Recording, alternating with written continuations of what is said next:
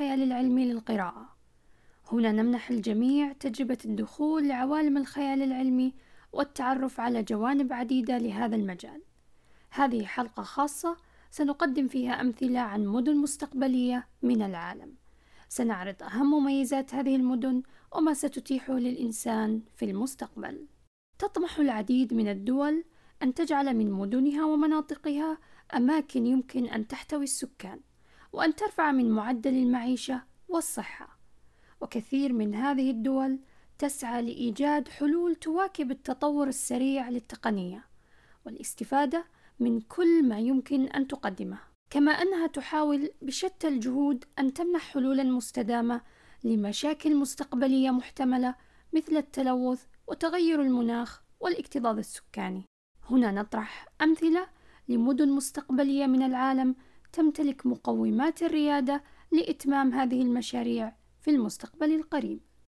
مدينة المحيط نيويورك صممت شركة بيج للعمارة مفهوما لمدينة عائمة يمكن أن تساعد للحد من تهديد الظواهر الجوية الشديدة وارتفاع مستوى سطح البحر. يضع المفهوم مخططا من الجزر الطافية المتجمعة معا في مجموعات من ستة لتشكيل القرى.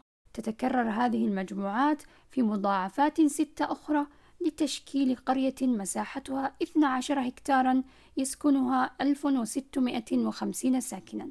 ثم تضاعف هذه المجموعات لتشكيل أرخبيل يحتضن عشرة آلاف مواطن. يهدف المشروع لمعالجة العديد من المشاكل منها النقص في المساكن ومخاطر ارتفاع مستوى سطح البحر. يتم بناء هذه الجزر عن طريق هياكل متوسطة الارتفاع مبنية باستخدام مواد مستدامة. سيتم بناء كل وحدة على الأرض وبعد ذلك سيتم سحبها إلى البحر حيث سيتم تثبيتها في مكانها. تحتوي هذه الجزر على التسهيلات لإنتاج قواتها الخاصة من الماء والحرارة وإنتاج الغذاء والزراعة كما أنها تتتبع سياسة الحد من النفايات. تحتوي البنية التحتية على عنصر أمان إضافي لجميع الهياكل وتكون الهياكل مصممة لتحمل الفيضانات وأمواج التسونامي والأعاصير من الفئة الخامسة. في الخطة الشاملة ستستخدم مواد من مصادر طبيعية مثل الخشب والخيزران لبناء المنازل. وسيتم تصميم مدينة المحيطات أولاً في المناطق شبه الاستوائية والمناطق الاستوائية الأكثر عرضة لخطر الفيضانات، وستوفر هذه الجزر بيئة معيشية أكثر جاذبية.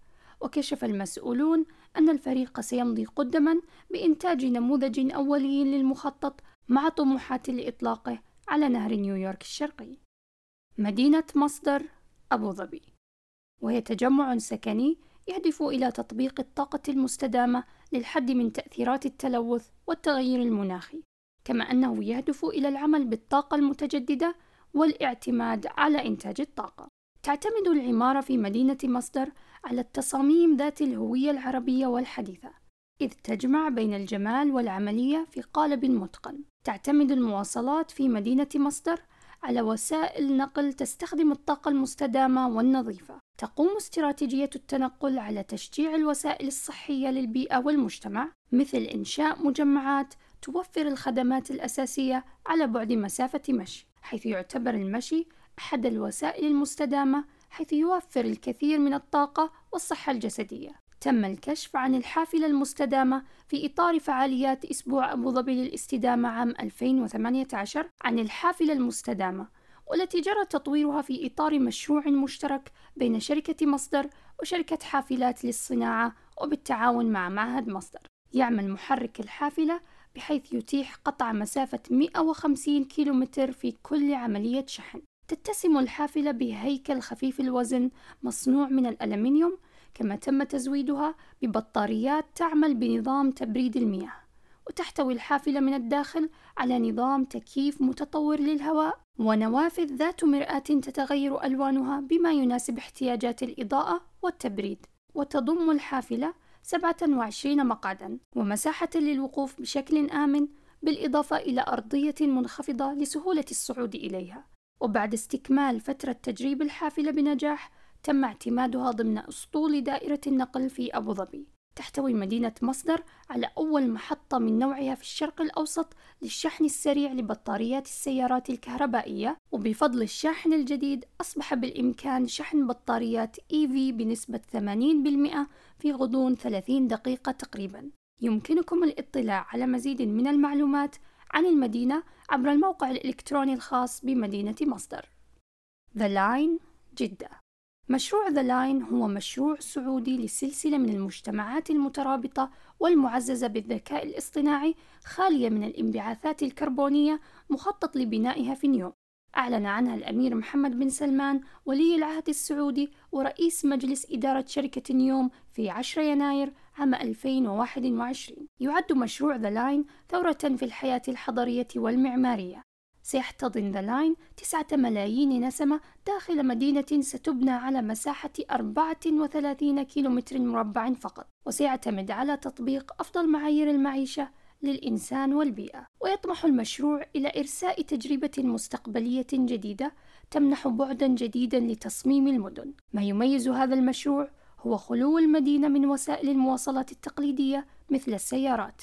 إذ يهدف المشروع إلى الحد من الانبعاثات الكربونية ومد المدينة بالطاقة المتجددة بنسبة 100% ستغطي الطبيعة المحمية مساحات نيوم بنسبة 95% ستكون وسائل المواصلات في المدينة مصممة على خدمة الإنسان إذ ستعتمد وسائل من الذكاء الاصطناعي للتوصيل. سيضمن المناخ المعتدل على مدار العام إمكانية استمتاع السكان بالطبيعة وممارسة المشي حيث يمنح المشروع إمكانية الوصول إلى جميع المرافق في غضون خمسة دقائق بالإضافة إلى منظومة متكاملة للتنقل عبر قطار فائق السرعة. يصل بين أقصى نقطتين داخل ذا لاين في مدة لا تتجاوز 20 دقيقة. تكمن الثورة الحضارية في مشروع ذا لاين بمميزات أساسية. أهمها مكانه الاستراتيجي حيث يمكن لأربعين بالمئة من سكان العالم الوصول إليه جوا بعد ست ساعات. كما أن 13% من تجارة العالم